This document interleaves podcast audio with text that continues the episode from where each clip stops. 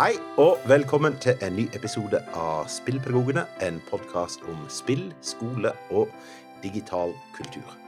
Nå er vi tilbake etter ja, både en lang sommerferie og for så vidt et langt avbrekk før det, for å prate om eh, både det vi har eh, gjort av spennende ting siden sist, og litt om planene våre for eh, nytt skoleår som nå er rett rundt hjørnet. Uh, med oss i dag så har vi uh, Tobias. Tobias, hvem er du?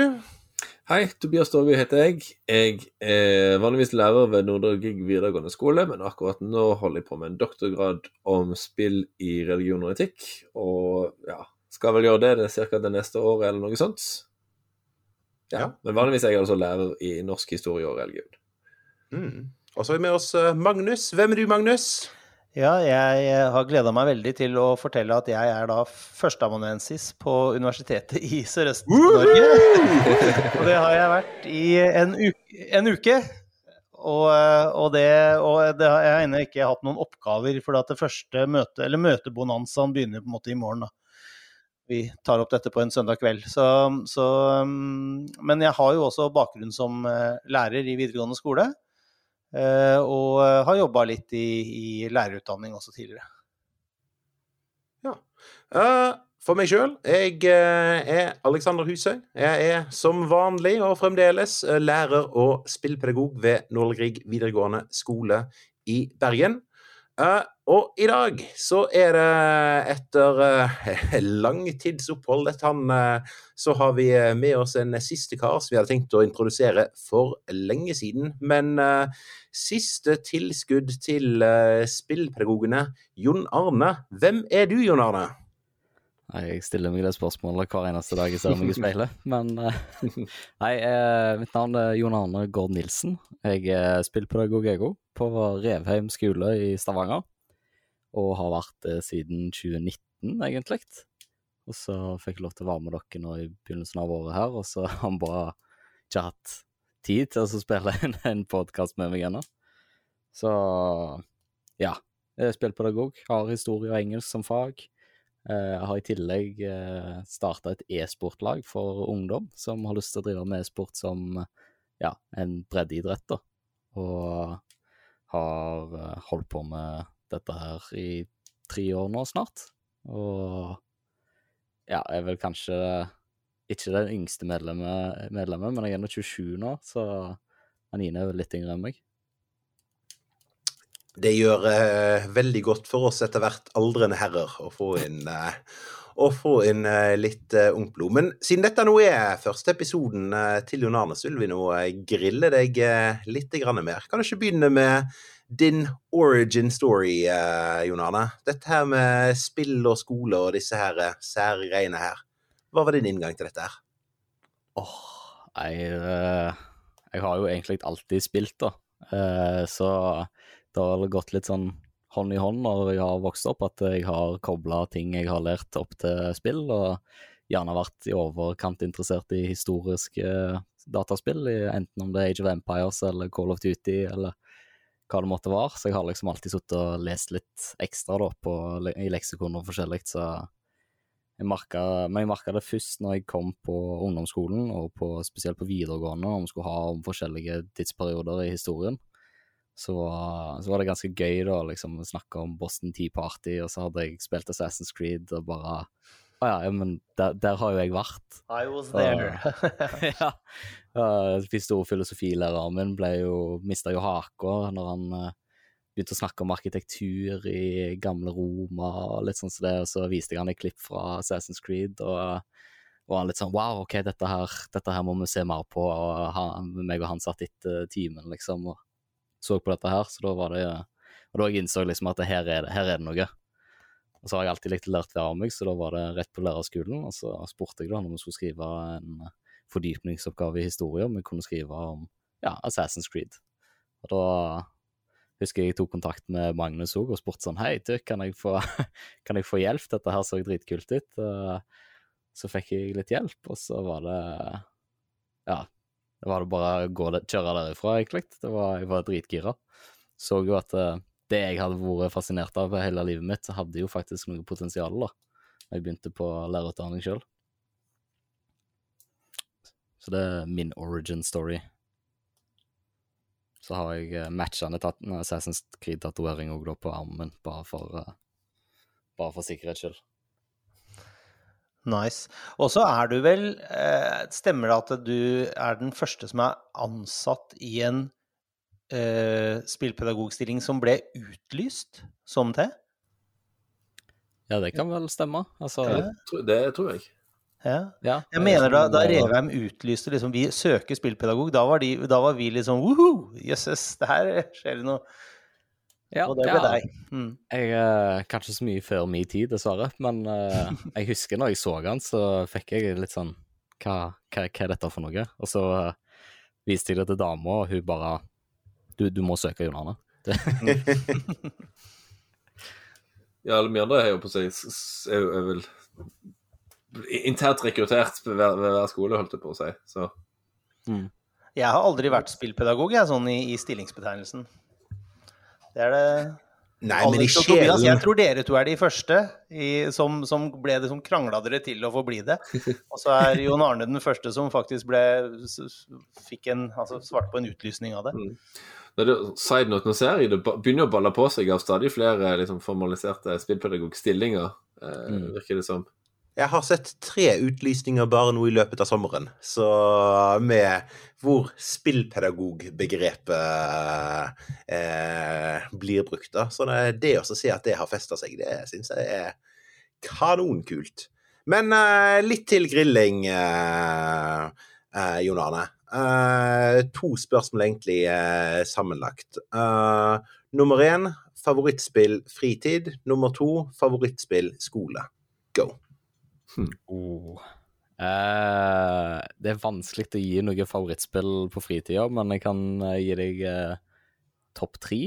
Ja, kjør på. Alltid vært interessert i eh, skytespill, så Counter-Strike havner høyt på lista. Og da helt siden 1.6 til Counter-Strike Go nå, liksom. Og så Metal Gear Solid 3 må vel være en av mine favoritter. Og så må jeg si Command and Conquer, eh, General Zero Hour. Det er liksom mine topp tre favorittspill som fritid. Så det er ikke så ofte jeg spiller de to sistnevnte, da, men det er liksom de som sitter djupest i hukommelsen. Så jeg virkelig skal jeg sitte og kose meg på LAN, så fyrer vi opp litt Command and Conquer. Skal jeg spille et spill med god historie, så er det Metal Gear, og så er det liksom CS, da, når vi skal skyte hoder og kose oss med kompisene. Hvis det er lov å si. Ja. Kan jeg bare si at det var en ganske original topp tre. Eh, folk sier vanligvis Zelda eller et eller annet annet sånn Super altså sånn Skyrim, Ja. for eksempel. Så, så um, ja, poeng til deg for originalitet. Jeg vet ikke om CS er så originalt, da, men uh, jo, takk. Ja, ikke mange. Det er ikke ofte jeg ser den troende på topp tre-listen til folk, så ja, kult. Ja, det er Det sant. kan, kanskje det sier mer om min sirkel enn om din, holdt på å si, men anyway. ja, det, det er godt for meg. Om vår Nei, alder, Tobias. Det er det det sier noe om. Men, Ja, men kan, eh, ja. eh, men til, til skolesiden, da, Jon Arne. Har du en eh, favoritt der? Ass, ah. Eh, selv om jeg gjerne er kjempefan av Assassin's Creed, så er ikke det akkurat favoritten min i skolesammenheng. Jeg tror det spillet jeg har kost meg mest med, er kanskje Frostpunk. Det har Ja. jeg brukt en eh, del, del tid på, og med forskjellige elever og sånn som det. og det gjelder This War of Mine, for det går en sånn schadenfreude i meg når jeg ser at eh, de sitter der og river seg i håret fordi de mista en person, eller det bare shit hit the fan, og så vet de ikke hvor, hvor er reset-knappen, hvor kan jeg gå tilbake, eller liksom Hva kan jeg gjøre? Så er det bare Sorry, nå, nå skjedde det. Det jeg syns det, det er gøy å se når de lærer av sine feil, for å si det sånn, og de gjør eh, ikke bare sånn liten feil, men sånn Du drepte et menneske, du får ikke dette mennesket tilbake. Mm. Vi har en regel i podkasten som vi bryter stadig vekk, om at når vi nevner et spill, skal vi si eh, en to setningers forklaring av hva det er for noe. Så Frostpunk, eh, hva, hva er Frostpunk for noe? Uh, Frostpunk er et spill der du skal styre en liten sivilisasjon. eh, I det to, Nei, Tobias jeg, det Odin coina så fint som et eh, ishelvete. Et postapokalyptisk ishelvete. Så det, du begynner, begynner spillet med 80 hjemløse folk, og så en reaktor som trenger kull for å få varmen i seg. For det er minus 20 grader når du begynner, det blir bare kaldere og kaldere. Så skal du liksom ja, bruke ressursene dine da, til å samle inn nye Du skal bruke folka til å sette dem i jobb og samle inn ressurser, og så må du bygge opp en liten landsby rundt dette her, da. Så får du muligheten til å velge forskjellige lover og sånn som det, som er med og ja, skal forme hvordan disse her dagene dine går. Og det målet er liksom å holde ut da så lenge som mulig, og etter ei uke så er det altfor kaldt og halvparten har daua, så kommer det flere folk, og så må du bygge Det er veldig sånn micromanaging, men du kan ha noen ganske gode diskusjoner etterpå på hva er det som faktisk er positivt med f.eks. et uh, demokrati, og hva er det som er positivt med det motsatte? Hva skjer når du har muligheten til å signere en lov uten å involvere noen andre? Det, det, var litt interessant når vi hadde om politikk, da. Så fikk jeg øynene opp for at dette her kan vi faktisk bruke, for det var sånn Nei, vi trenger flere arbeidere. Vi har jo barn. Barnearbeid. OK. Og det å sitte og diskutere etterpå, liksom når de faktisk hadde erfaring med hva var det som skjedde, og hva er konsekvensene rundt det, var litt øh, Ja, det ga litt mer mersmak da, hos elevene enn å bare sitte og diskutere det, fordi de har ikke noe forhold til barnearbeid sjøl, liksom. Tøft. Men Kjempespennende, Jon Arne. Uh, I alle fall, velkommen til uh, Spillpedagogene sånn helt på, uh, helt på ordentlig. I alle fall til podkast-delen. Uh, gleder, gleder meg til å høre mye av hva du har å si framover også.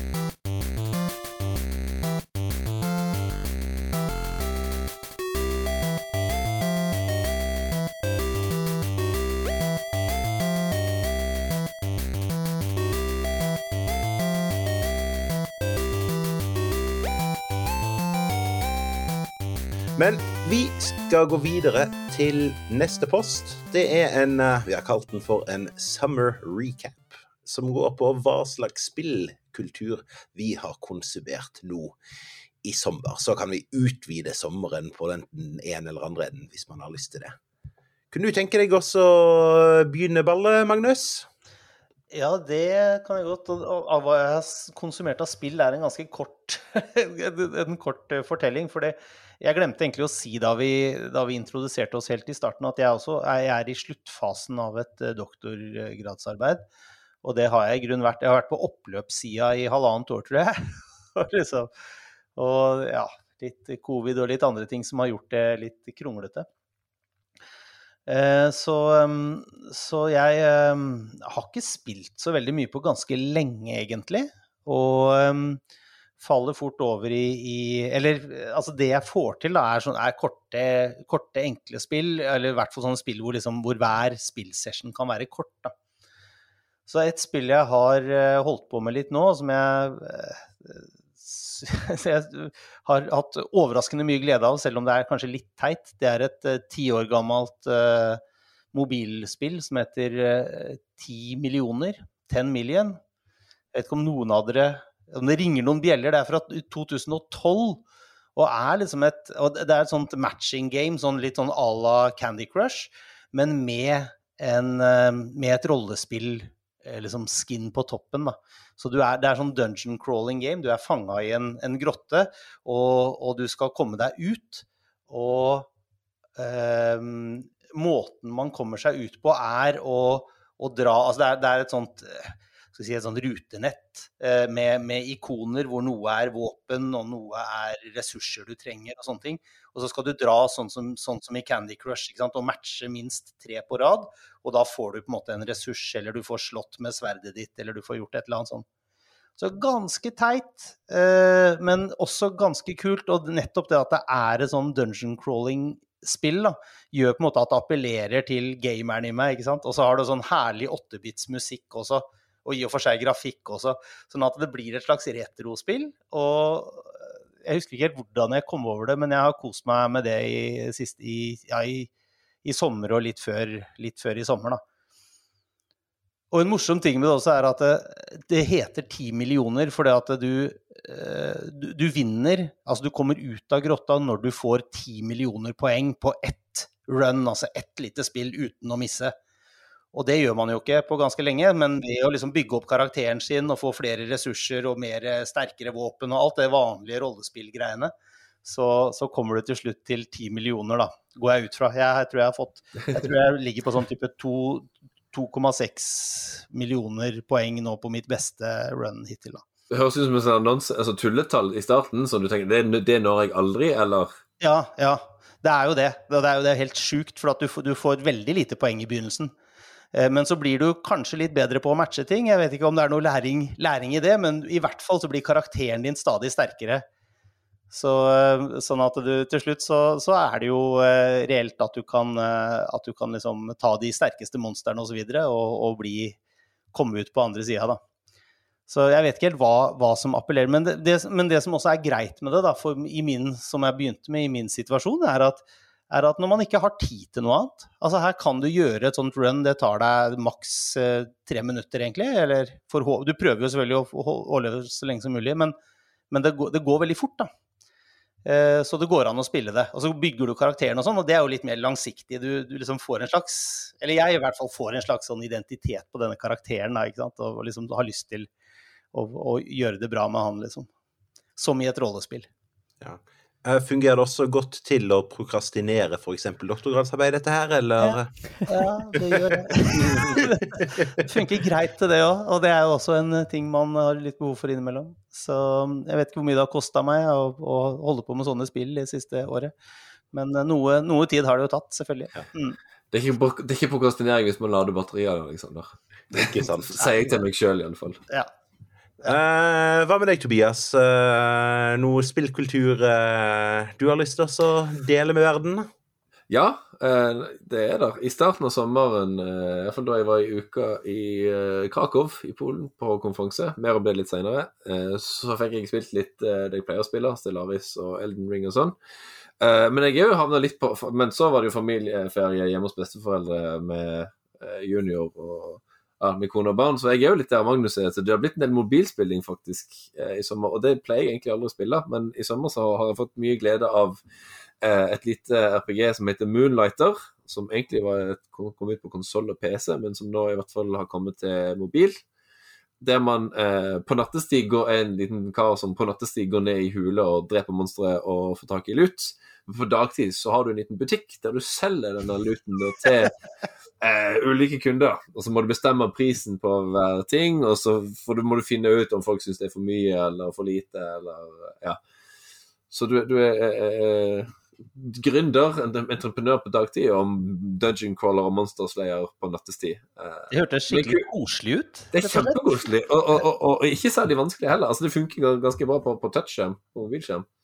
Men så har jeg òg, eh, på en, iallfall én lykkelig eh, semi-barnefri kveld i sommer, så spilte jeg og kona mi og min bror og kjæresten hans eh, et koselig lite brettspill som heter Quacks of Quedlinburg.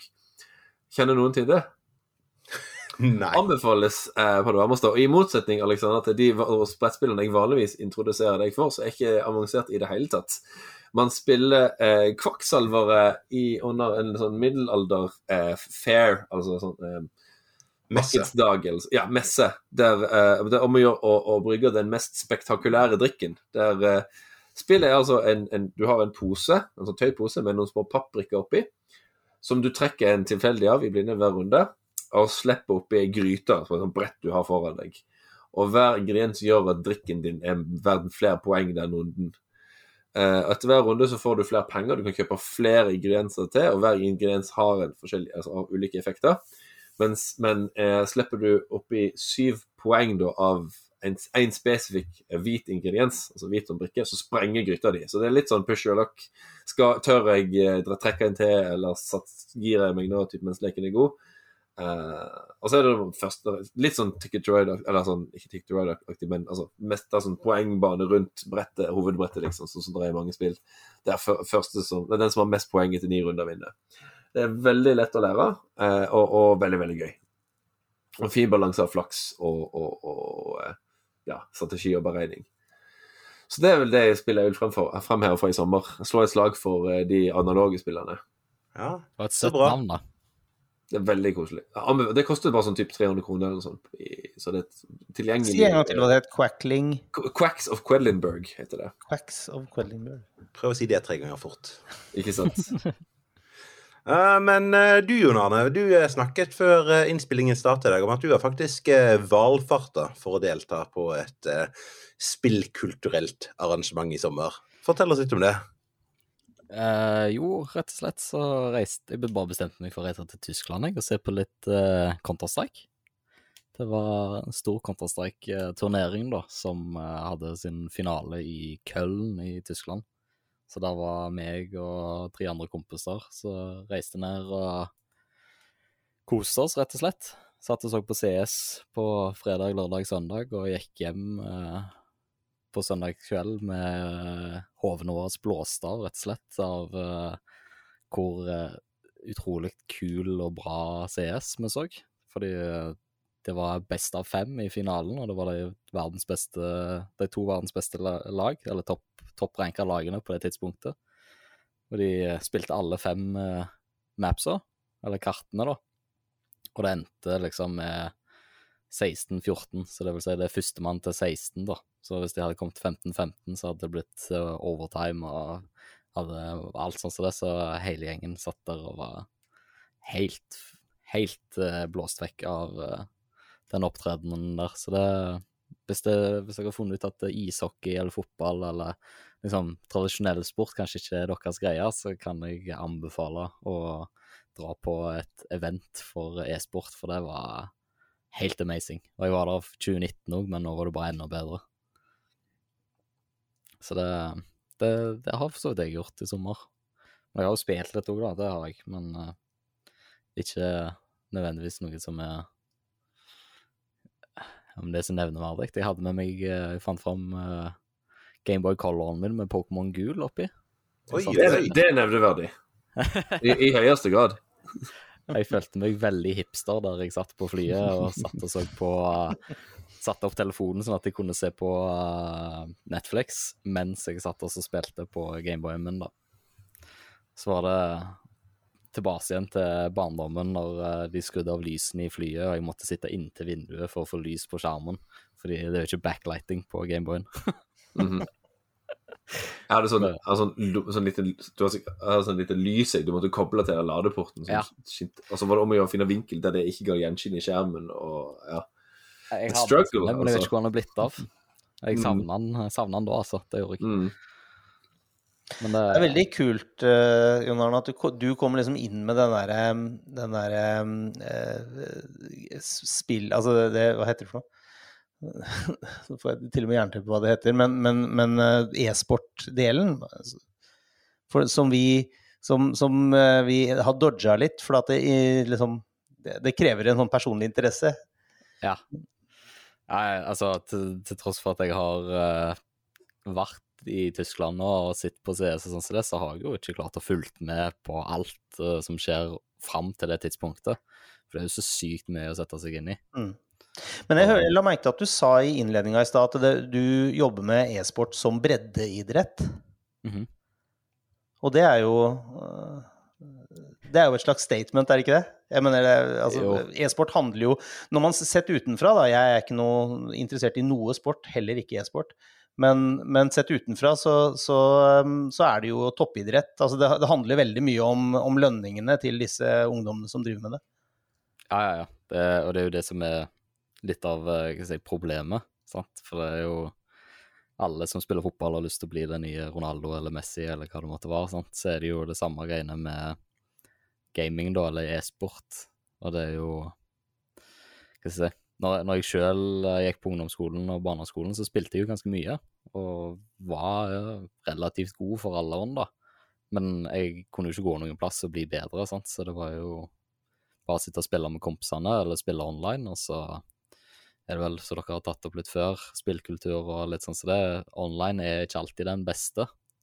Så når jeg begynte på Revheim, så ble jeg spurt om jeg hadde lyst til å ha et sånn spilltilbud for ungdom på kveldstid, og så ble vi enige egentlig når jeg ble med, at eh, hvis vi først skal gjøre det, så kan vi gjøre det skikkelig. Så da da starta vi som et idrettslag, da, noe eget, ikke bare noe sånn der enkelt kveldstilbud, men faktisk sånn at de møter opp en gang i veka eller to ganger i veka og har en trening hvor de går gjennom teori og får utøve den teorien i praksis og setter sammen lag og liksom gjerne bruker en kveld på å bare snakke om hvordan kommuniserer vi når vi spiller i lag, og liksom gjøre mye av det som gjør at du blir en bedre spiller, men som du ikke nødvendigvis gjør når du sitter med kompisgjengen online og bare gamer en kveld. Så ja. Det, poenget var jo at det skulle være liksom et tilbud for alle som ikke nødvendigvis ja, er glad i sport, da, sånn som deg, Magnus. At uh, de òg skal ha, ha mulighet til å gå en plass. Kan du ta en uh, liten bit på den spillkulturen jeg har vært på i sommer? Det har vært Igjen, det er jo dette her familieferie Hvor man er i livet, sant. At jeg kjente at jeg ble litt smått misunnelig på Altså, han ble litt smått misunnelig på deg nå, Jon Arne. Han hører sånn at ja, guttatur til guttatur til, guttatur til Tyskland og gaming og sikkert scenenetter og, og i det hele tatt. Men jeg kan også Altså, en av de tingene som er fint med å være familiefar, og dette er sånn som du kan glede deg til nå etter hvert, Tobias. Det gjelder for så vidt gjelder for så vidt, så vidt deg også, Magnus. Du har jo etter hvert store unger, men de blir enda større. Og jo større de blir, jo gøyere blir alle disse investeringene som vi gjør i, gjør i brettspill med dem. Hos oss så har jo Ticket to Ride og Ticket to Ride Europe vært en eh, en slager nå ja, i et, eh, i et halvårs tid. Og nå for eh, to dager siden så eh, hadde da min eldste datter, eh, hun er elleve nå, hun hadde sin første ordentlige seier mot sin far eh, i dette. her. Så det var altså, det føles jo litt både godt og vondt. sant? At På den ene siden at jeg føler meg litt, litt vippet av tronen. Men det er deilig å se at disse her forferdelige, forferdelige timene som ble investert i ludo og Den forsvunne diamant osv., begynner å gi avkastning i at uh, vi kan spille spill helt på ordentlig, som er, som er, like gøy for far som det er for, som det er for døtre. da. Skal, skal jeg også nevne et annet spill som vi har plukket mye opp i løpet av sommeren. Sushi Go. Jeg vet ikke om noen dere kjenner til det? Kjenner til det, har alltid hatt det på bucketlista. Ja, var det nei, det men, du kjøpte når jeg var med? Ja, det gjorde jeg. Ja, stemmer det. det altså, en, altså en sushigo det kjøpte jeg faktisk uh, på NKUL i uh, Nkull i Trondheim. Rakk vi å spille det, uh, Jordan? Husker du det?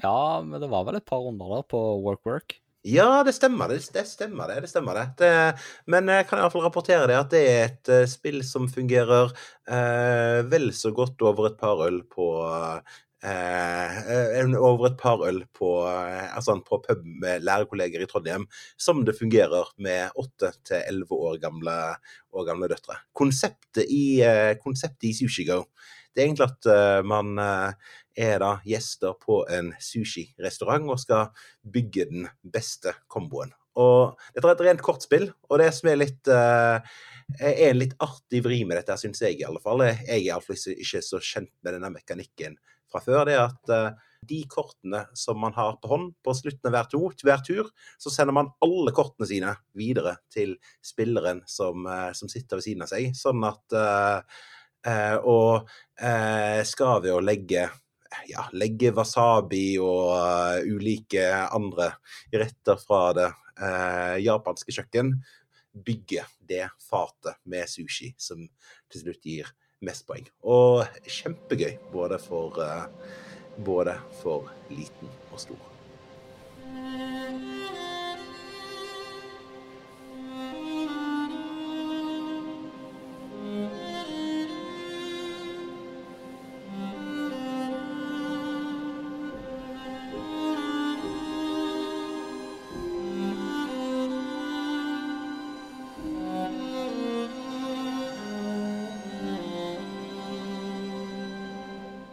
Yes. Med det tror jeg at vi eh, runder av avdelingen om uh, uh, spillkultur konsumert i løpet av sommeren. Og vi skal gå over til å se litt framover. Og da av saker i dag, så uh, først på, uh, eller iallfall neste på listen vår, det er et spørsmål som Magnus ville at vi skulle deliberere litt rundt. Og hva er det, Magnus?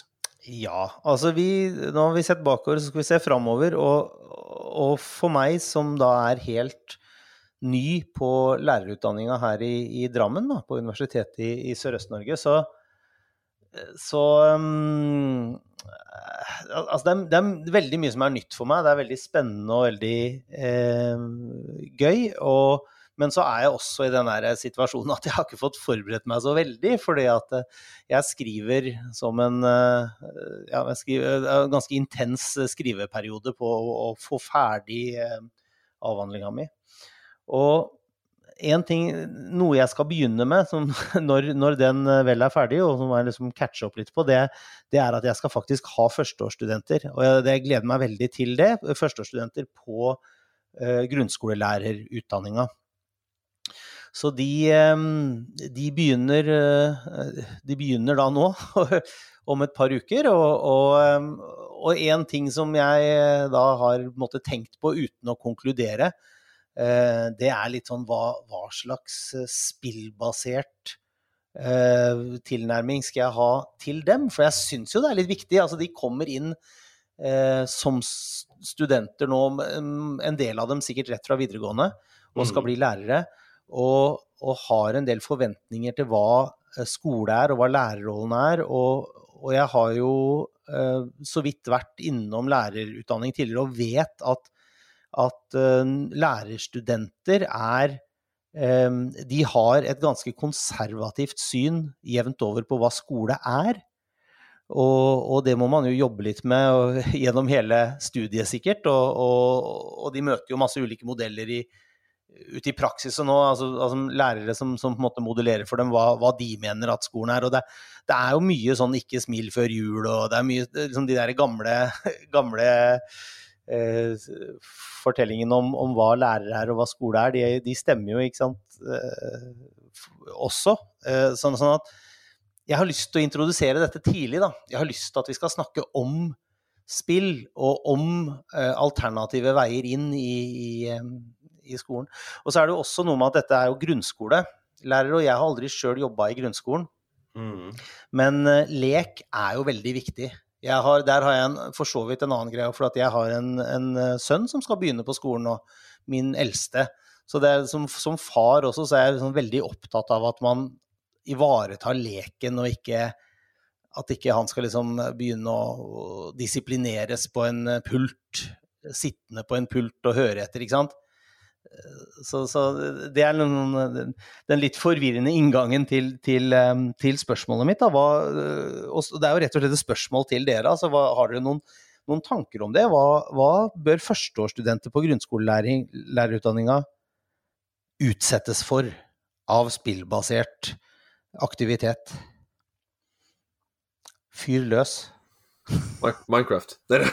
ja, ikke sant? Minecraft. Nei, det, det, det, delvis spøk, men altså, semi-roaster jo Minecraft på seg, i en episode for ikke så lenge siden. Men, men, det er såpass utbredt, og det er såpass kjent, at det er litt sånn helt uironisk. Eh, jeg lurer på om det er faktisk et ålreit sted å starte, for det at sjansen er jo stor for at Altså, Minecraft har vært ute såpass lenge at sjansen er stor for at disse førsteårs, sjøl har erfart, blitt eksponert for Minecraft i et eller annet vis.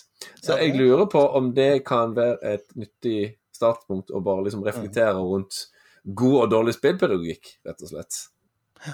Et veldig kjedelig svar, men uh, Men er, hvis jeg kan få, få, spille inn litt tilbake der, for den, den, har jeg faktisk tenkt litt på. Og, og, der er det det at jeg, jeg er pappa til en førsteklassing. Hans beste venn i barnehagen um, starta ett år før han, altså øh, var ett år eldre og begynte i fjor, og har gått førsteklasse nå. Og, og, han har jo hatt skole-iPad med skole-Minecraft. Og når de har møttes, når min sønn og han har, har møttes, så har, har, gutten min vært veldig opptatt av at han har skole-Minecraft. Og så har jeg spurt denne, denne kompisen, da. Hva, ja, hva gjør dere? Liksom, har dere brukt det på skolen, liksom? Ja, ja, vi får, vi får bruke det noen ganger i pausene, sa han. Mm. Og, det, og da liksom OK, er det det dere får? det er liksom det er litt sånn lost opportunity, da. Hvis de faktisk har det. Ja. Så um, og så bare to for å stjele, litt tid til for de andre får slippe til. Um, et, et, eller annet det skal være veldig vakt, et eller annet analogt. Noe som ikke trenger strøm. Mm. Uh, samme hva det er for noe. Um, jeg vet ikke om de kan ikke spille Secret Hitler. Eller jo, kanskje de kan spille Secret Hitler. Jo. Nei, de kan ikke spille Secret Hitler. Ok, De- Werewolf, de- de- werewolf da. Werewolf. Eller The Resistance. Eller et eller annet sånn hidden role-greie. Bare for liksom Ikke retorikk eller diskusjon eller sånt. Et eller annet analogt noe, eh, Mm. foreslår jeg. Det er lett å komme i gang med. Trenger ikke strøm. Ingen, kan ikke krasje. Nei, ikke sant. Ja. Og de trenger jo ikke spille Altså, de kan jo spille Secret Hitler uten at det dermed sier at dette skal dere ta med dere ut i praksis i barneskolen. Ikke sant? Mm. De er jo Ja, er voksne mennesker, da, tross alt. Så hvis Hvorfor man, man kan jo ja. Hvorfor ikke Secret Hitler, Alexander? Nå, Eh, er eh, nettopp, eh, nettopp derfor. Eh, nettopp fordi at det er ikke det de skal ta med seg ut i det, seg ut, det, det de skal ta med seg ut i praksis. Og Sign. Sign ja, gjerne sign. Sign. Mm. Sign. Mm. Signed? Sign eller signed? Sign. Ja, nå må vi forklare hva sign er for noe, før vi blir Jeg vet for ikke hva det er, så. eh, Nei, sant. det, tror jeg- Det tror jeg Alex må gjøre. Ja. Alex, du er best. Ja, jeg kan eh, Altså, uh, sign har jeg en personlig kjærlighet for, fordi at jeg uh, Det er jeg som har hatt jobben med å oversette Inhabil kalles det. Nei da. Eh, totalt inhabil. ja. Det er jeg som har oversatt dette spillet til norsk. Det er et uh, kortspill. Uh, altså fullstendig gratis. Du kan eh, eh, laste ned og skrive ut kort sjøl fra nettet. Konseptet er at dette her er et spill om den første tegnspråkskolen i Nicaragua. For det, det som foregikk med tegnspråkutvikling i Nicaragua, det er helt unikt. Det er helt unikt, for at det som etter hvert ble til nicaraguansk tegnspråk, det ble utviklet av brukerne selv på den første tegnspråkskolen eh, der. Og dette kortspillet, det er en simulasjon av eh, disse elevenes første dager eller uker på denne skolen, hvor spillerne har ikke lov til også å kommunisere med verbalspråk i det hele tatt, men må, ja, delvis gjennom peking og miming, bli enige om et fellesspråk som de skal bruke til å kommunisere med hverandre. Og da eh, et felles tegnspråk av, eh, tegnspråk av et eller annet slag. Eh, dette er jo et spill som jeg har syntes vært særlig interessant, for at jeg jobber på en knutepunktskole for hørselshemmede.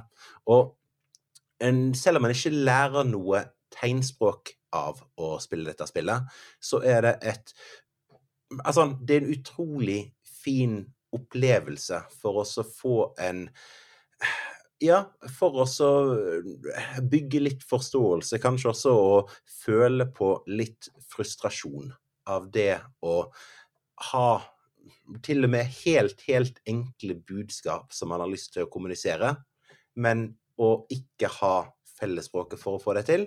Og så er det denne her prosessen da, hvor eh, spillerne i fellesskap blir enige om hva ting heter, sånn at de etter hvert uh, i løpet av Spillet varer vel ca. to-tre timer, uh, tre timer til sammen.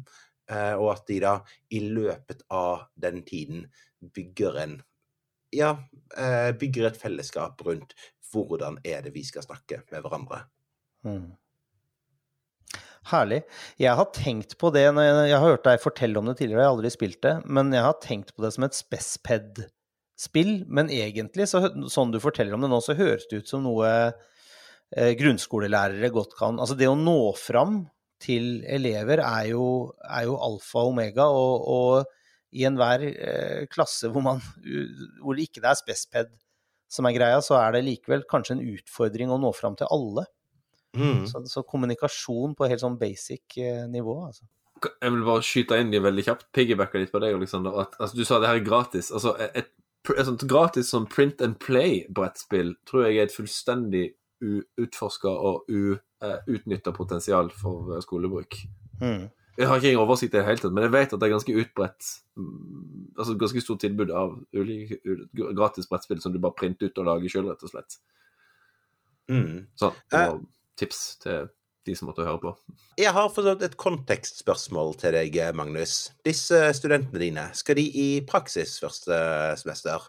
Ja, det starter eh, det tror jeg, eh, tror jeg starter dette året, eller kanskje de begynte i fjor, med at det er praksis hvert eneste semester gjennom hele Det er jo en masterutdanning. Ja. Gjennom, gjennom fem år. Det er, det er ganske kult, og det er utfordrende. For det at det første halvåret så er de jo liksom veldig ferske som studenter òg, da. Mhm. Så, men ja, det skal de ut i, i praksis eh, Jeg lurer på om det er tre uker. Det er jeg ikke helt sikker på. Ja. Og dermed så tenker jeg det at uh, gitt at de da skal ha noen undervisningsaktiviteter når de er i praksis, så de spillene som er særlig interessante å uh, vise fram til studenter, det er de som er ja, de aller laveste fruktene. De som har aller lavest terskel for å eh, Altså den aller lavest terskel for å bruke. Og da snakker vi både teknisk eh, hvordan få dette her til i klasserommet, sant? Eh, men også at det skal være så enkelt at både den minst spillvante praksislærer og den minst spillvante vante elev skal kunne vite skal kunne relativt kjapt forstå hva er det man egentlig skal gjøre. Og det er jo da enten det er jo da enten tenke på spill som man kan gjøre som helklassespilling. geogesser, slår meg eh, med en gang Mm. som, et, Mm. eh, som et veldig nærliggende eksempel der. Eh, kunne, vært, eh, kunne vært en vei å gå. Ellers, i og med at eh, jeg antar at i eh, Altså, i grunnskolen så er det vel mye Chromebooks som er, som er, som er det det går i. Det å så sikte seg inn mot eh, nettleserspill som er eh, både gratis og tilgjengelig på eh, flere ulike devices. Vax, for eksempel, jeg tenker jeg at kunne vært uh, noe som hadde vært, uh, vært, vært interessant å, å gjøre noe med. Og hvis vi, igjen, hvis vi går tilbake til eh, eh, helklassespilling igjen altså en eh, Storyteller er et eh, Ja. utrolig fint og enkelt spill som er eh, veldig lett å få både lærere og ja, altså praksislærere og elever til å skjønne hva jeg er greia med. Var det det Odin og Jøren viste fram på Enkull? Det var det Odin og Jøren viste fram på, fra- fram på NQL. Altså nå eh, kan jeg jo kjapt beskrive Storyteller. Det er et veldig enkelt sånn eh, klikk og dra-spill, hvor du eh, ved hjelp av å flytte eh, personer inn i tegneserieruter skal lage et eventyr eller lage en fortelling. Og så ja, jeg tror ikke jeg skal si så veldig mye mer enn det, men vi kommer til å lenke til Storyteller i uh, beskrivelsen av podkasten, tenker jeg. Hæ, spennende. Gode tips. Jeg noterer. Dette er, eh, det er eh, jobben min for i høst, som dere begynner å gjøre for meg nå. Dere er klar over det? Ja, men det, altså, crowdfunding og- outsourcing og i Ja, ja, jeg det er- jobben her nå. Ja, ja. Ikke Topp.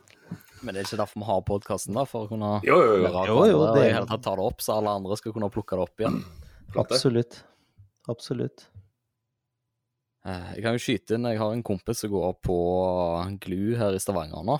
Og apropos det med Minecraft, da. Jeg fikk, jeg fikk en oppgave i naturfag hvor de da skulle bygge et eller annet sånn økosystem, da.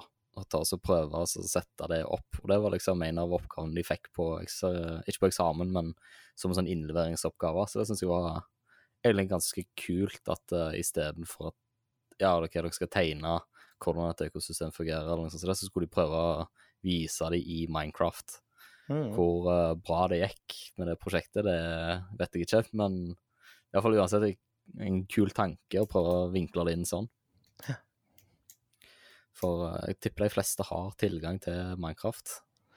Ja, I hvert fall her i Drammenskolen så har de som sagt eh, skole-iPad med skole-Minecraft har de fra barnetrinnet av. Så det er eh, på, på godt og vondt. Eller jeg vet ikke helt hva Jeg vet ikke helt hva jeg skal mene om det. Jeg gleder meg til å erfare det.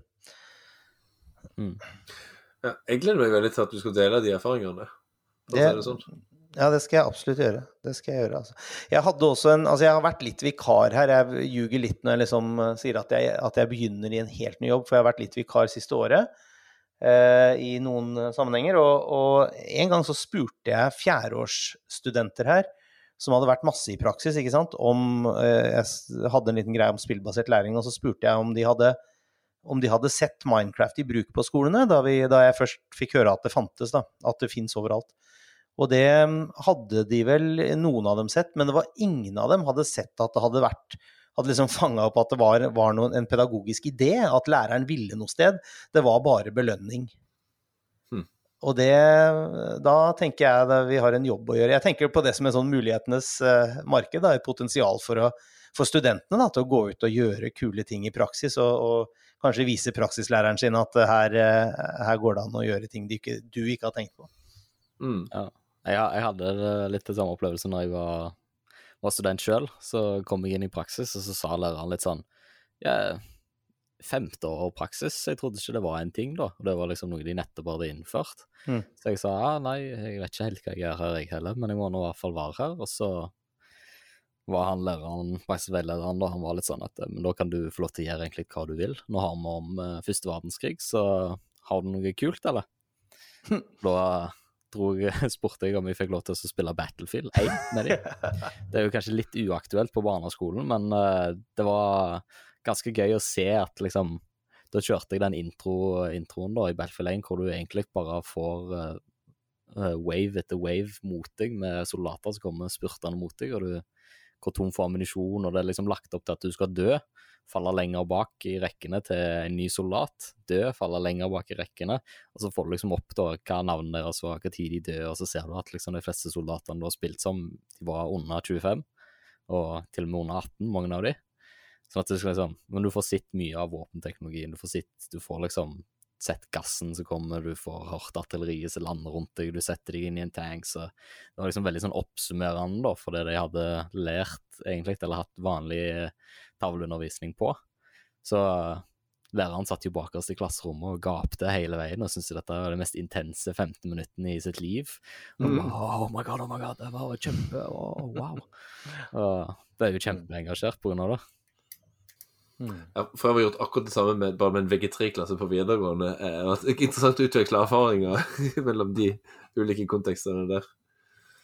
Ja, det, det var VG3-klasse jeg hadde. Å oh, ja, OK. Jeg trodde du var på Å uh, oh, ja, sorry. Jeg trodde du var uh, lavere trinn. Nei, OK. Anyway. Nei, nei, nei. Men jeg har gjort det på lavere, lavere trinn òg. Altså, forskjellen var at det, noen av de begynte å grine, men det gikk greit.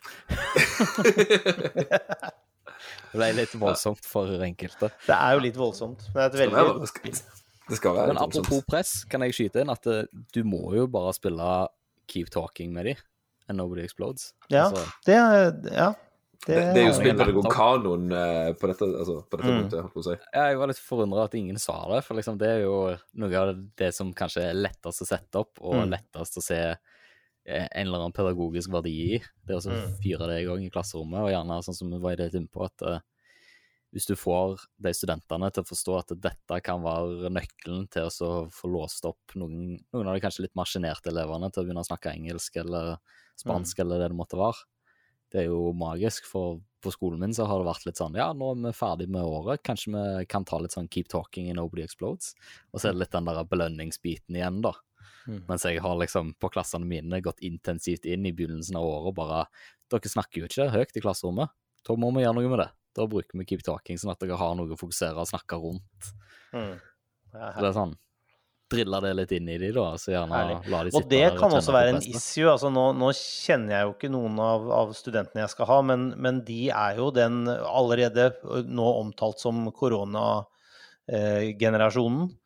Eh, som mm. ikke har hatt en eneste vanlig eksamen på sin videregående. Altså de av dem som kommer rett fra videregående, da. Mm. Har hatt disse åra på videregående. Og, ehm, og, vi er jo litt sånn forberedt på at dette kan være en gjeng som trenger litt mer icebreaking enn en vanlig. Så, så, keep talking kan, kan, være nyttig på flere måter.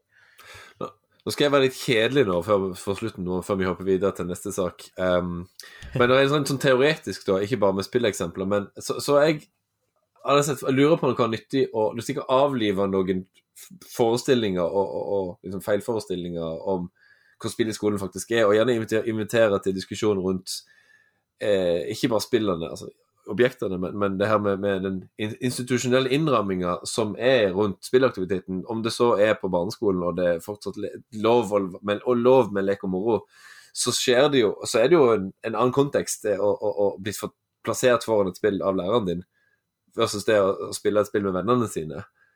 Ja, det er det ene. Og, og det andre er um, å reflektere, altså vise gode og dårlige eksempler på bruk av spill fordi at da får de noe å sammenligne, reflektere rundt forskjeller, altså, forskjeller mellom god og dårlig bruk.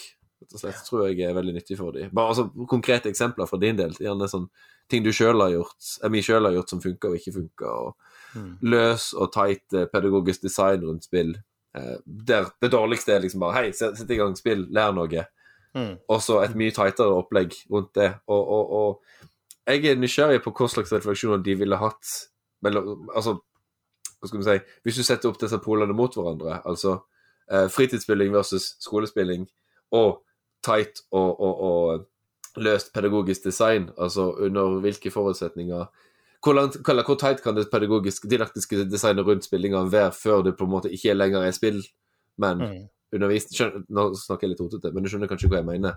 Jeg skjønner hva du mener, og jeg har faktisk også vært litt inne på det. Det, det jeg har tenkt på hittil, før, før vi snakke, begynte å snakke også, er jo uh, Skal vi spille, eller skal vi snakke om spill? Og det avhenger litt av hvem den gjengen er da, som jeg, som jeg får å snakke med om disse tingene. Men, men å dele litt hva, hva, spillerne mener at spilling er, og, mm. og på hvilken måte det eh, kan overføres, den erfaringene de har og forestillingen de har om, om, læring og mening, kan liksom overføres til en skolekontekst. Jeg, nå kommer jeg på en, Du har sikkert lest den du òg, Alexander. At det er en HC Sagal og et par andre spillforskere har en artikkel, den er gammel, 2008, om der de intervjuer uh, uh, spill, altså game studies under forelesere om studentene deres sine spillerfaringer. Der de spurte er det nyttig at studentene dine har spilt mye spill. Og det over, overveldende svaret var nei, tvert imot. Det er destruktivt. Fordi at det var så mye de måtte, Foreleserne måtte skrelle vekk så mye ah. forutinntatthet, og at de trodde at de hadde bedre peilinger enn foreleseren. Og, og, og liksom veldig mange Ikke vrangforestillinger, men, men liksom uh, de, trodde, de hadde for stor tillit til at deres fritidsspilling og at de hadde lest mye spillanmeldelser, uh, mm. Var, gjorde de bedre egnet til liksom kritiske games, krit, critical game studies, liksom. Og det gjorde de ikke i det hele tatt. Det gjorde, de hadde dårligere utgangspunkt. Så jeg er nysgjerrig på liksom, da, morgendagens Altså den, den, den, gjengen der, da, om de som har gamer mye, faktisk ligger dårligere an når de skal i gang med Minecraft i uh, andreklassen sin, eller et eller annet sånt. Ja. Det, det, er, det er en interessant tanke. Jeg tror vi lar den stå. Jeg tror ikke, tror ikke vi tar dybden av den debatten, men, eh, men det, eh, det var jo en spennende ting å tenke på. Mm.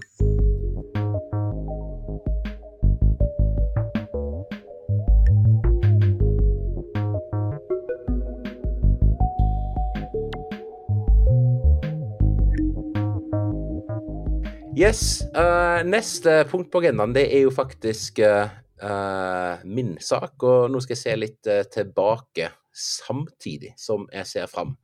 Fordi i juni så ble nemlig spillpedagogene invitert av Kunnskapsdepartementet for å, til å komme med et innspill i forbindelse med ny spillstrategi. Og da fikk jeg lov til også representere spillpedagogene, og jeg fikk eh, rause tre minutter til å, til å fortelle alt vi mener om hvor det bør satses når det gjelder spillkultur framover. Uh, og da hadde jeg egentlig to, uh, to tema som jeg uh, komprimerte veldig, som jeg hadde lyst til å få inn i denne strategien. Det ene temaet handler om å sikre læreres tilgang til spill som kan brukes i undervisningen. Og det andre temaet det handler om utnyttelse av spillrom, sånn at de kommer både opplæring og fritid til gode. Og Jeg skal gi en kort, kort sammendrag av det allerede korte, korte innspillet. Når det gjelder dette her med at lærere må ha tilgang til spill som kan brukes i undervisningen. Så dette er jo noe som vi har snakket om mange ganger på podkasten her før og skrevet om og i det hele tatt. At dette er en av eh, en av de vesentlige sperringene som hindrer bruk av spillkultur i eh, kultur i skolen. Selv når lærere er både lystne og kompetente til å bruke spill i sin undervisning, så er det en bråte med barrierer som hindrer de til det. Det handler om at det er vanskelig med innkjøp til institusjoner. Det handler om tekniske barrierer i, uh, barrierer i uh, klasserommet. Det kan handle om manglende forståelse eller begrenset forståelse for hva spill og spillkultur er blant uh, ledere både på skoler og i fylker og, fylker og kommuner rundt om. Og helt konkret det, det jeg la fram muntlig da, og vi skal eh, komme med en skriftlig uttalelse til å backe opp dette her eh, i løpet av ja, de neste syv dagene, faktisk. Så der har vi noe vi må tenke på eh, framover. Det ene handler om at eh, kunne man ha knyttet NFI-støtte til en forpliktelse om distribusjon i skolen. Altså at de norskutviklede spillene som får støtte av Norsk Filminstitutt, eh, kunne man ha eh, gitt betingelser om at de spillene skulle gjøres tilgjengelig for klasserom på en eller annen måte. Uh, kunne det vært mulig med et mer utbredt samarbeid med biblioteker? Altså at uh, spill kanskje kan lånes ut som klassesett på samme måte som vi ellers gjør med uh, skjønnlitteratur? Eller er det noen andre muligheter for nasjonale avtaler om tilgjengeliggjøring, særlig av eldre norske spill for utdanningsinstitusjoner? Og her tror jo jeg, og her tror jo vi, for så vidt i Spillpedagogene, at uh, det er store muligheter. For det, særlig når det gjelder eldre spill, så er det uh, så er det, så er det uh, har de relativt begrenset kommersiell interesse per, per nå. Men i skolen så er dette noe som kan, hvis lærere har enkel og god tilgang til disse, så kan det bidra vesentlig til bygging av spillkompetanse særlig da blant, blant lærere. Uh, og så er det dette som gjelder spillrom, altså at uh, uh, bevissthet om at spillrom bør kunne komme undervisning og Eller bør, bør kunne komme både opplæring og fritid til gode. Vi har jo sett ja, bl.a. på Revheim, der hvor uh, Jon Arne jobber, på Nål Grieg, der, uh, der, hvor jeg jobber, Spillhuset i Bergen. Altså, spillrom blir opprettet, eh, opprettet rundt om, men der hvor de blir opprettet på skoler, så ser vi at de gjerne blir tatt i bruk i undervisningstiden, og så står de tomme. Og der hvor det blir opprettet i eh, fritid, eh, idrettslag osv., så, videre, så brukes de på fritid etter skoletid, men lite eh, fra, eh, fra åtte til kvart over tre. Og jeg foreslo da at det bør lages retningslinjer for det vi har kalt for spillrommet som flerbrukshall. Altså at spillrom som Altså, når spillerom skal bygges, så skal det foreligge en plan for at de kan bli tatt i bruk av så mange ulike aktører som mulig. Både innenfor opplæring og innenfor idrett og frivillighet og fritid. Ja, Så det var egentlig det som uh, vi har lagt fram av ideer, som jeg i alle fall håper at uh, kommer til å gå rett inn i nærstrategien når det skal skrives det jeg sitter og tenker på når du forteller det her, Alexander, er at jeg håper at de som hører dette her, og som har evnen til å ta mulighet til å ta beslutninger, forstår hvor gode råd det faktisk er. Nå er jo jeg biased, så det holder, da, men uh, Ja. Altså, jeg, jeg, håper at de som mottakeren forstår hvor viktig og, og hvor fornuftig dette her faktisk er. Det er det jeg sitter og tenker på. Mm. Jeg sitter og tenker wow, jeg kjenner deg, Alex. Du er en eh, Du går med brede skritt inn i byråkratiets irrganger og forteller dem hvor skapet skal stå. Det er kult, altså. Mm. Ja, og, Men ja, noen, noen, må høre. Og, ja, og, eh, og da trakk jeg jo da fram Uh, Revheim-modellen som et eh, eksempel til etterfølgelse. For det, at det dere har gjort der med at eh, det spillrommet dere har, er ja, altså, Hvor mye er det egentlig det brukes både i og utenfor uh, skoletid, eh, Jon Arne? Um, altså, vi har jo tilgang til rommet på skolen, da, sant? så det er jo åtte til halv tre. Og så fra halv fire igjen så er det på'n. Og da er det mandag til fredag Nei, mandag til torsdag så har vi Ja, har vi satt opp fra halv fire til ni-ti noen ganger. Så det er sånn at det, det blir brukt, da. Og det er jo som regel bare gymsalen eller svømmehallen som blir brukt, og derfor har kommunen satt inn en vakt. Men da er det plutselig mulig å kunne bruke andre deler av skolen òg, da. Så det, det, blir en del timer i løpet av i løpet av de tre årene vi har holdt på med nå. Og det kommer jo bare til å bli mer. Mm. Synergieffekter. Det, la oss si det et par ganger. Synergieffekter er fort penger spart, holdt jeg på å si. Absolutt. Mm.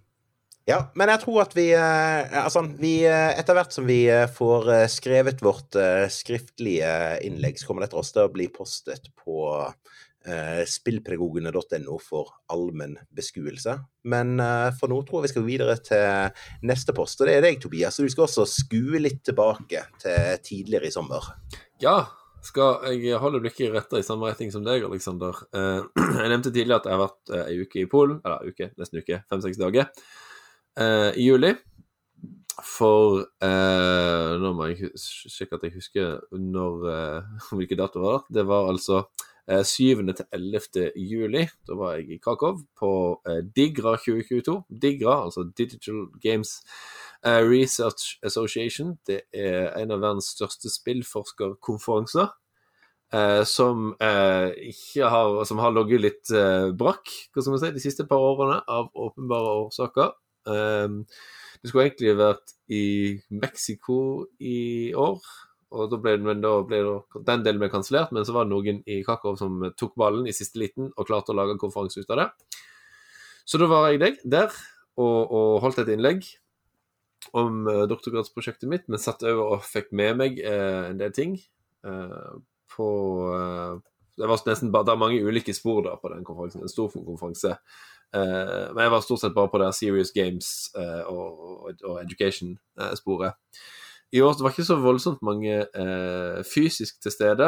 Eh, jeg var der òg i 2019. Da var det i Kyoto. Da var det hundrevis av deltakere. Her var det vel jeg vet ikke hvor mange det var, men det var ikke, mange, det var ikke flere, særlig mye flere enn 100. Men det var altså en hybridkonferanse der veldig mange eh, deltok eh, digitalt. Både av de folk som presenterte, og folk som lytta. Um, så det var veldig kjekt. Altså, fin mulighet for folk å delta. Men eh, det som slo meg eh, da jeg satt så sett bare på den Serious Game-trucken, er hvor lite som handler om Serious Games, og hvor lite som handler om spillundervisninga. Nesten ingenting, faktisk. Det var en del news games, altså som snakker om spillenes eh, måte Altså spill, spill sin evne til å eh, servere nyheter, rett og slett i veldig stor grad bygd på antakelsen om at spiller du dette, så lærer du dette. Uh, samme, samme greia som vanlige sånn educational games uh, er bygd på. Og så var det et par uh, foredrag som jeg husker fortsatt. Det ene var et, en forsker som ville liksom prøvde å finne fram til de liksom mest essensielle byggesteinene av spillet som gjorde at de er engasjerende og motiverende. Og, og, og kom da med litt sånn sørgelig, stusslig, vag og generell liste som jeg, jeg personlig tenker ikke bruker den til noe som helst, nettopp fordi den var så vag og generell. Eh, det var en eh, doktorgradsstipendiat faktisk som presenterte prosjektet sitt. Hun hadde intervjua lærere og eh, spilldesignere og fått i gang en slags Hun har litt sånn Kirsten Giftekniv mellom spilldesignere og lærere. For liksom Lærerne fortalte hva de trengte, og hvilke behov de hadde, og hva de trengte spill var nyttige til, og som da skulle informere spillutviklere og designere og sånn som, som, jeg setter veldig pris på, at noen endelig ga stemme til lærerne. Litt Problemet mitt med det prosjektet der var at det virka som om lærerne hun hadde intervjua, var eh, veldig uerfarne når det gjaldt spill i skolen, og ikke hadde gjort seg de erfaringene, og de eh, hadde de samme kritiske holdninger som vi spillpedagogene har, f.eks. Og da lurer jeg litt på hvor nyttig er det egentlig med spillutviklere å få snakka med eh, den type lærere hvis de lærerne ikke helt vet hvor skoen trykker, hvis det er mening.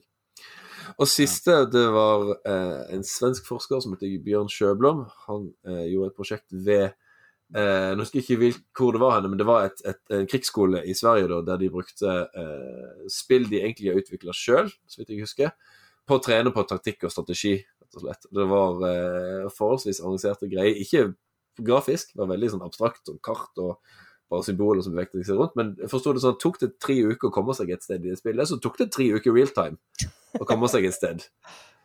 Uh, som jeg syns var veldig kult, men som kun går an å spille i den settingen der.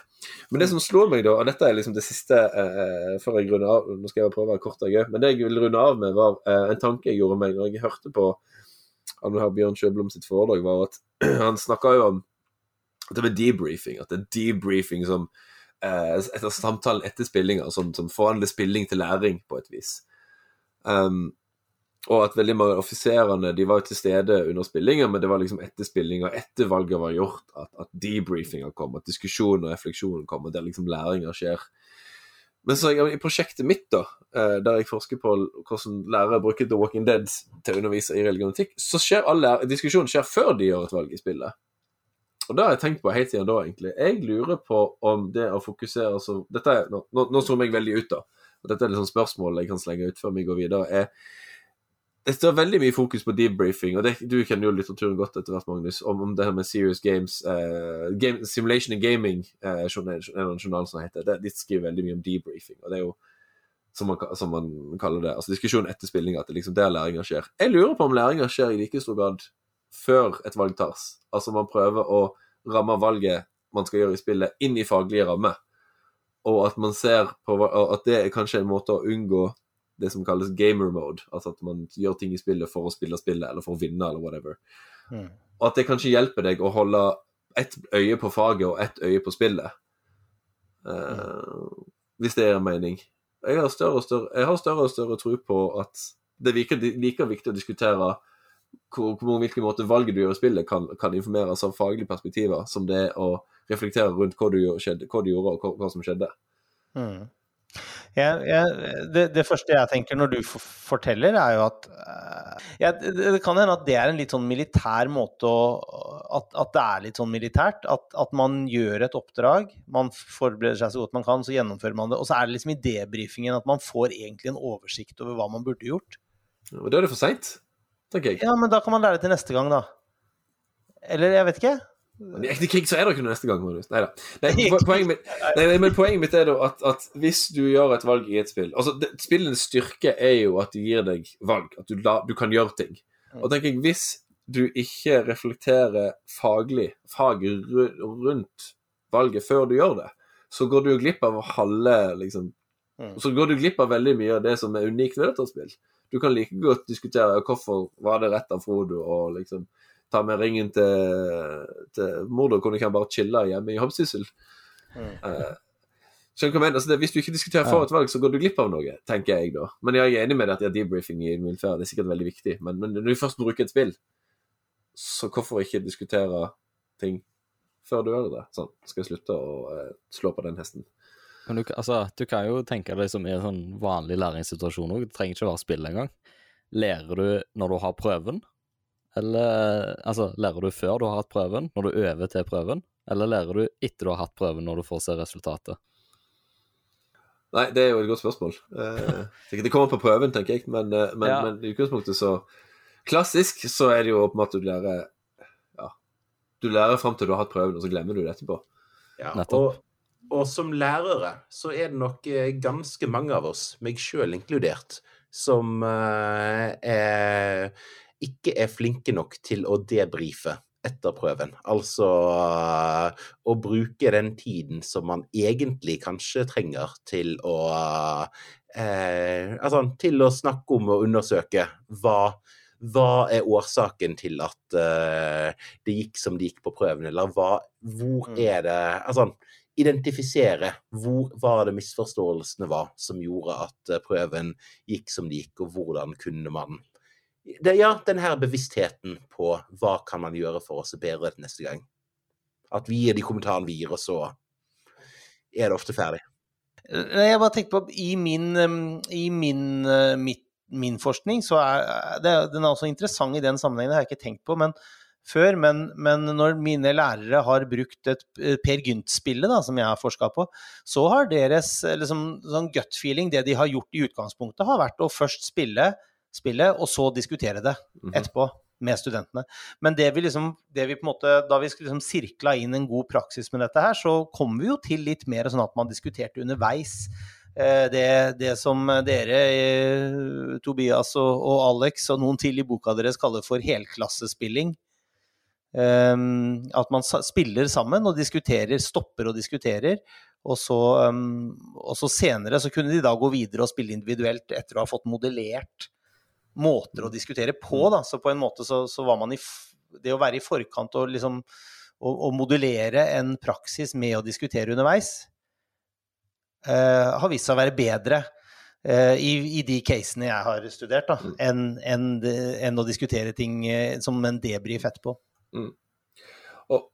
Jeg lurer på modellering, det du nevnte der, Magnus, uh, er nettopp en form for dette her med pre-briefing, eller hva vi skal kalle det. Altså mm. det er noe med, Og spesielt den artikkelen uh, av deg som jeg har, har, har i, banken min, så å si, den om, den om, elevene som diskuterer sammen mens de spiller. Uh, at, og de lider tydelig under at det ikke er en lærer til stede og veileder diskusjonen deres, om jeg mm. husker riktig. At, og da skjærer de liksom de valgene de gjør i spillet, er tatt på helt feil premiss. Eller de, I, no, de, I, noen tilfeller. I noen, ja. noen tilfeller. Altså de, du kan risikere at de ikke har hatt den korrekte i hermetegn, refleksjonen før valget tas, og at den diskusjonen de har Jo, jo, den er sikkert lærerik nok, den, men den kunne vært enda bedre hvis det kom noen sånne kursjusteringer, enten før de i hele tatt la ut på svømmetur, så å si, seiltur, mm. eller og under seilturen. Så jeg, jeg jeg tenker mer og mer at, at det må modellere Om du kaller det hva du vil, en førdiskusjon eller debrief, pre-briefing eller modellering eller hva Det er noe med å, å sørge for at de har eh, ikke begge øynene på spillet, men ett øye på spillet, og ett øye på de faglige eh, rammevilkårene for spillinga. Eh, at begge fag og spill må være oppmerksomheten din samtidig, tenker jeg. Og det er lettere hvis Ja, på Revheim, sånn uansett, nesten, så har de alltid med seg en Chromebook med spørsmål eller med mm. en eller annen modell for hvordan de skal angripe det de holder på med. Og da kan det godt være bare sånn enkelt sånn som når de har spilt Limbo eller Inside, hvor det ikke nødvendigvis er at jeg vil at de skal skrive så mye, jeg vil at vi skal diskutere etterpå, så vil jeg fremdeles at de skal ta skjermbilder når mm. de holder på å spille, sånn at liksom, de hele tida har det i bakhodet at oi, dette her var interessant, eller dette vil jeg si noe om, da. Sånn at det ikke bare er den der settingen setting der og spill, og så tar vi det her litt etterpå, for de forsvinner slett i den bobla, merker jeg. Mm. Mm. Og spesielt når jeg har brukt spill som Assassin's Creed, så er det jo sånn Å, kan jeg stikke han ned, han her? altså, ja, du kan det. ja, men, men, det kan være så enkelt som det, tenker jeg. Bare et ark som minner de på at hei, hei, folkens, dere skal faktisk Ja, ikke, ba, ikke bare stabbe folk. Dere skal prøve å tenke litt historie òg. Ja. ja. Men jeg tror vi eh, kaller Digra ferdig debrifet eh, for nå. Så skal vi til siste post på dagens eh, program, eh, Jon Arne. Nei, program, og det er deg, Jon Arne. Det er meg. Ja. Du har ja. vært eh, camp counselor i sommer, eller? ja, for, på mange måter. Mye av det vi har med Einhaie sporter, det e-sportlaget mitt så har vi arrangert uh, summercamp nå for tredje år på rad. Og det er egentlig sånn uh, Første uka etter skolen er slutt, så kan, uh, de, kan de komme, ta de med seg PC-ene sine, koble de det opp, og så sitter vi egentlig og har et tilbud for dem fra klokka ni om morgenen til klokka fire. Sånn conveniently når foreldrene ennå kanskje er på jobb. Så kan de komme der, da, og så får de dag én opplæring i et spill, dag to opplæring i et annet spill, dag tre så sitter vi og begynner å konkurrere i de spillene her, og så har vi liksom driver med litt e-sport da, innenfor eh, sånn camp-følelse. Så de kommer der til å få varm mat, ut og jogge litt, og spille fotball og kose oss litt, og så er det liksom inn igjen, og så er det OK, nå skal jeg lære dere CS eller Rocket League eller forskjellig. Og det har jo gått strålende, egentlig. Så det, det tror jeg er noe som kommer til å bli eh, veldig prominent rundt omkring i hele Norge. Jeg så eh, bare, bare på de tre årene vi har holdt på med det, så er det jo plutselig eksplodert. Uh, Iallfall i de sirklene jeg henger til, så er det ganske mange som begynner å tilby dette her nå som et sånn sommertilbud for ungdom. Og jeg ser jo for meg at uh, det blir ikke mindre populært. Hvem er hovedmålgruppen for, for en sånn her leir? Det er, det er jo ungdom, da. Ungdom i ungdomsskolealderen og type uh, ja, sjette-sjuende klasse, type uh, de som nettopp har fått sin ny PC og begynt å spille litt sånn som så det. Prøver å gi de Det er ganske mange som kommer der til og kanskje ikke kjenner så veldig mange. Eller så, sånn som det var i år, da, siden vi har holdt på litt, så var det ganske mange fra, fra e-sportlaget som kom, og så Før det så har det vært mer at de kommer der til, så kjenner de ikke så veldig mange, og da får de muligheten til å bli kjent med flere og ha en sånn Få noen spillkompiser da over sommeren. Og så har vi jo som et mål at vi vil gjerne at de skal spille eh, sammen med folk som er jevnaldra, og så at de skal spille e-sportorienterte spill. For det er jo ganske mange som bare spiller, spiller spill for gøy, og så vil vi jo gjerne at de skal konkurrere, da. Og da blir det jo på en måte litt som et LAN, da, hvor de får uh, På slutten så har vi lagt pokaler til de, og de får premier og litt sånn så det, så de kan bli med på en liten sånn miniturnering. Hvor det er ganske stor sjanse for å vinne, da, siden det ikke er mer enn 20-30 stykk. Så det, det er ganske gøy. Og så ser de sitte der, nettopp, eh, nettopp begynt å spille Super Smash på Nintendoen, og så har de aldri plukket opp før, og så plutselig så er de dritgode.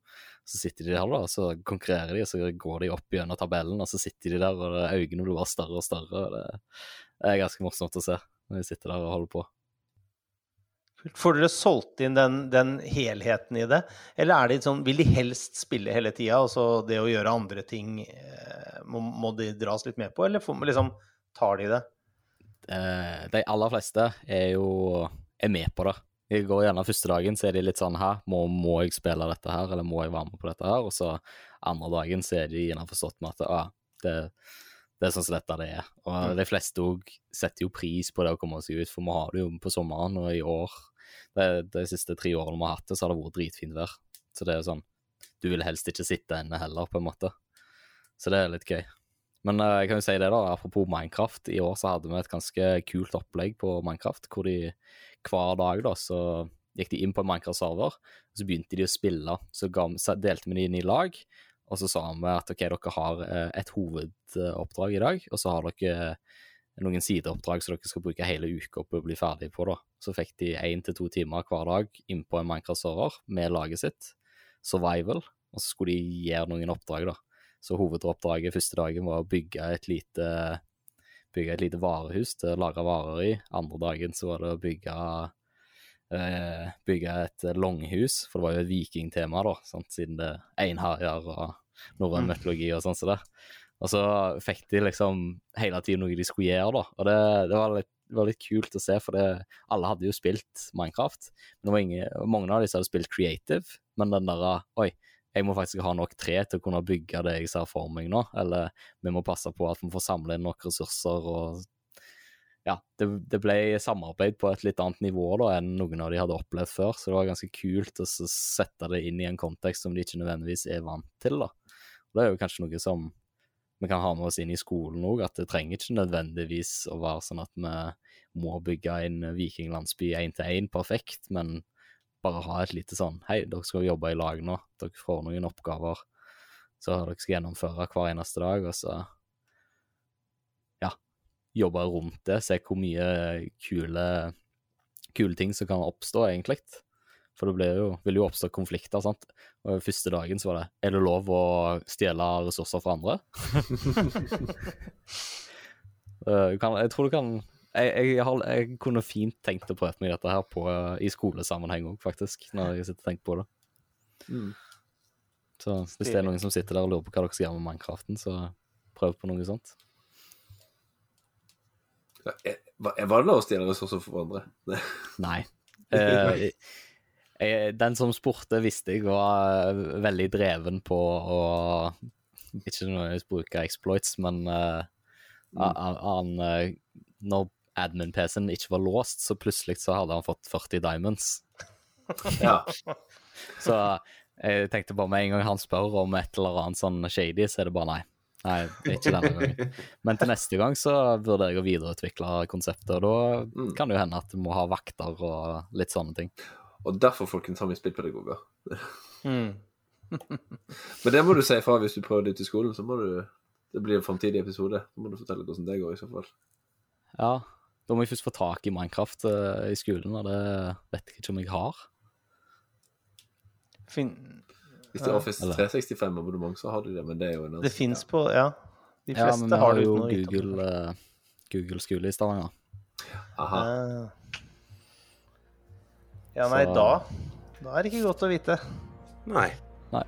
Men jeg tror eh, dette her skal være siste ord fra oss eh, i eh, Spillpedagogene i dag.